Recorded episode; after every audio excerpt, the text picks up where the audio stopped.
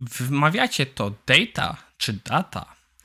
E, było śmiesznie jest to napisane i tak samo jak autor o komentarzach w odpowiedzi też to przeczytałem na dwa różne sposoby.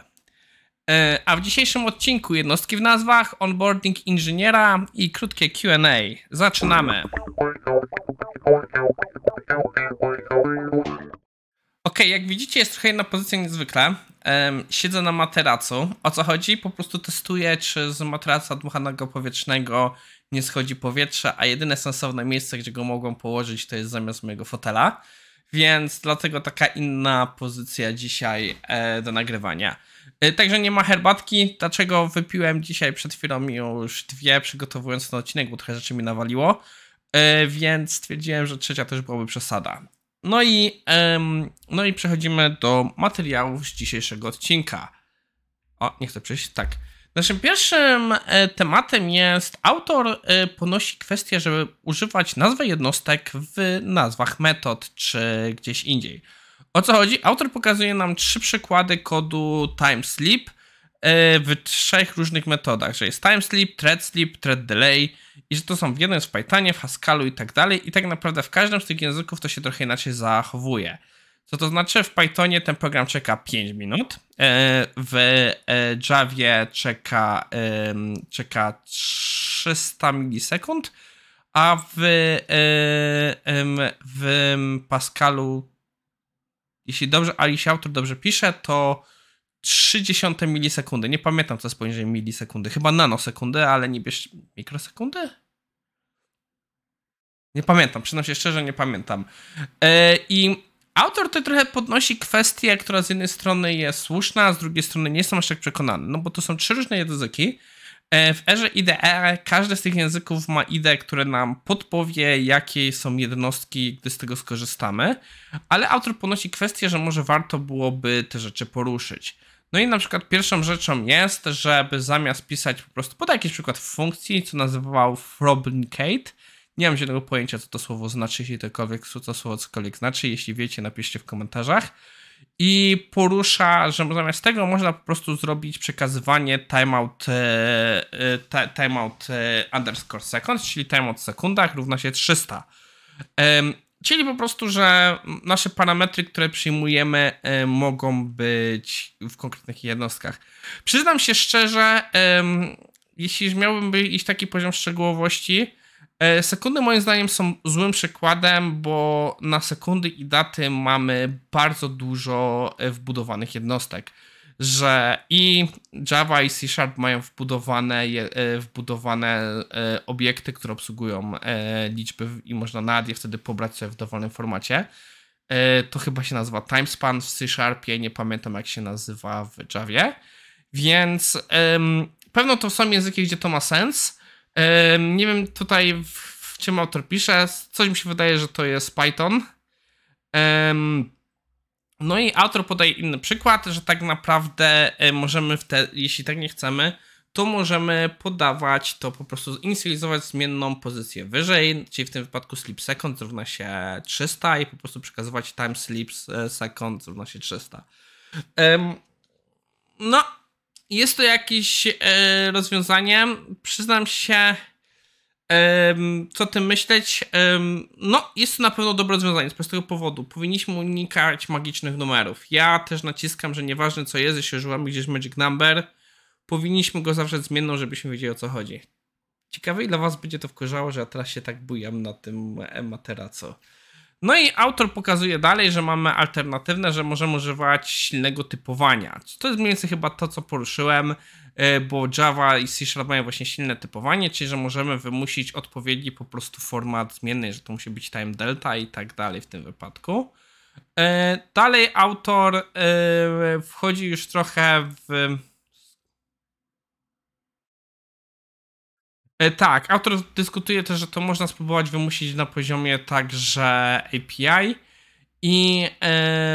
No, przyznam się, jest to dyskusja, którą e, uważam, że wybrał bardzo zły przykład, bo no, tak jak mówię, sekundy jakoś wydaje mi się, że jest na tyle, milisekundy jest na, z jednej strony jest to na tyle częsty przypadek, ale z drugiej strony mam wrażenie, że już to mamy trochę opracowane, że jakby na przykład wejdźmy w inne jednostki, masy i tak dalej, które na przykład jeśli mam aplikację międzynarodową, to nawet możemy mieć problemy, że nie używają funtów, inni używają kilogramów, gramów i tak dalej.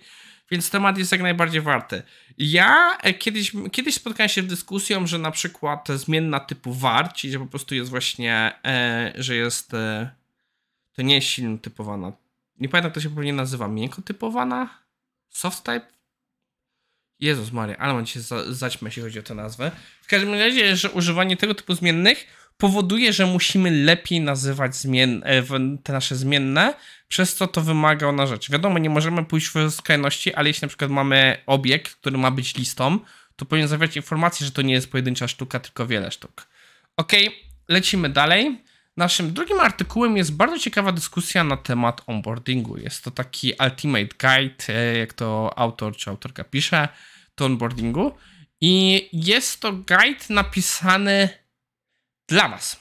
W sensie nie dla osoby, co się, e, co jest, e, prowadzi onboarding, tylko dla osoby, która się wdarza, wdraża. I jest to tak ciekawe popisane, że wpierw autorka wyjaśnia, czemu. Mówi autorka, czy to jest autorka, czy autor. Dobra, Zapomniałem sprawdzić. W każdym razie artykuł jest duży. Nie będziemy go przerabiać całego, bo to jest 16-minutowy artykuł, ale dzieje się po kolei tak, jak tutaj w tabeli opisane, że jest prowadzenie tutaj, dlaczego onboarding jest trudny.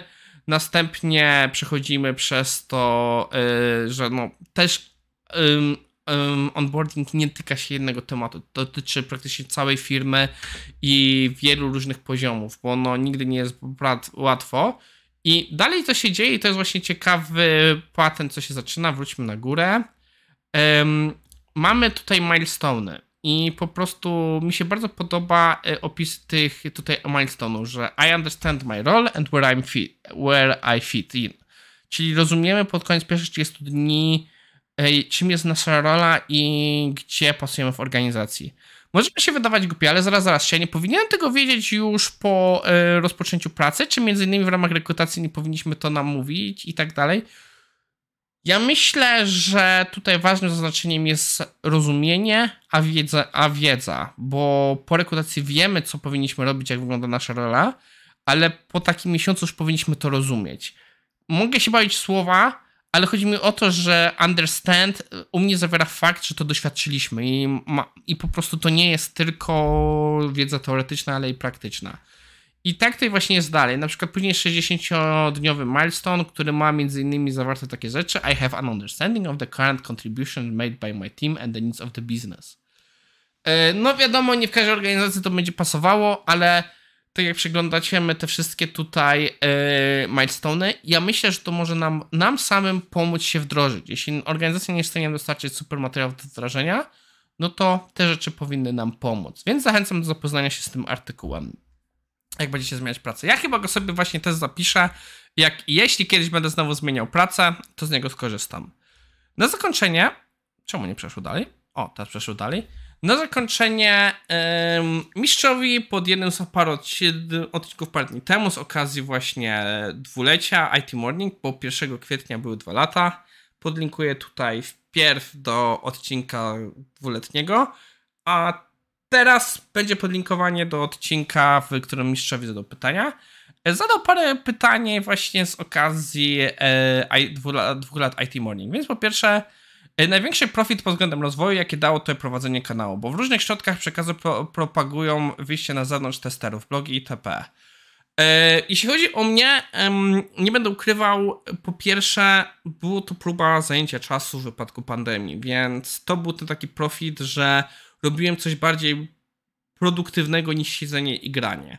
E, było to tak, że dla mnie e, motywacja dalej jest to do rozwoju moich umiejętności mówienia. To są bardzo trudne umiejętności i między innymi ten format, że ja to robię jedno nagranie, wymaga ode mnie też wprawnego, szybkiego mówienia z sensem i praca nad tą zdolnością uważam, że jest tutaj e, największą zaletą tego wszystkiego, że to jest dla mnie największy profit.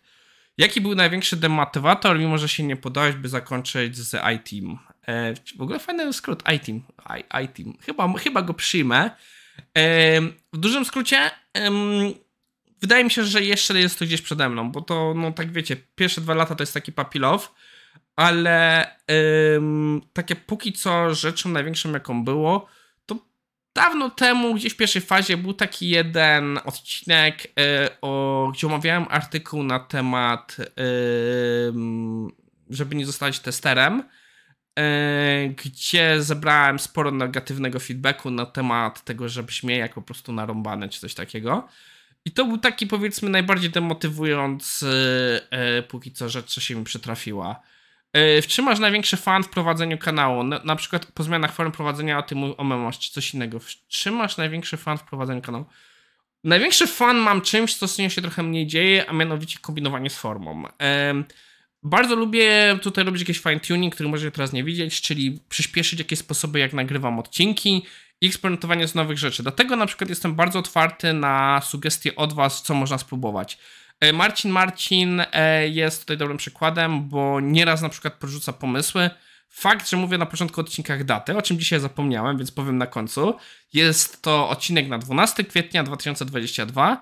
Jest pomysłem od niego. Tak samo dałeś się jedną propozycję, którą popróbujemy w następnym tygodniu, ale chodzi mi o to, że ja lubię eksperymentować. Ja dużo rzeczy zmieniam na backendzie, jak nagrywam odcinki, jak pewne rzeczy kombinuję. E, mogą to być zmiany niewidoczne dla Was, ale mi na przykład ułatwiające pracę albo takie założenie. Więc to jest dla mnie największy fan. Ciągłe tutaj eksperymentowanie, patrzenie, jak pewne rzeczy działają.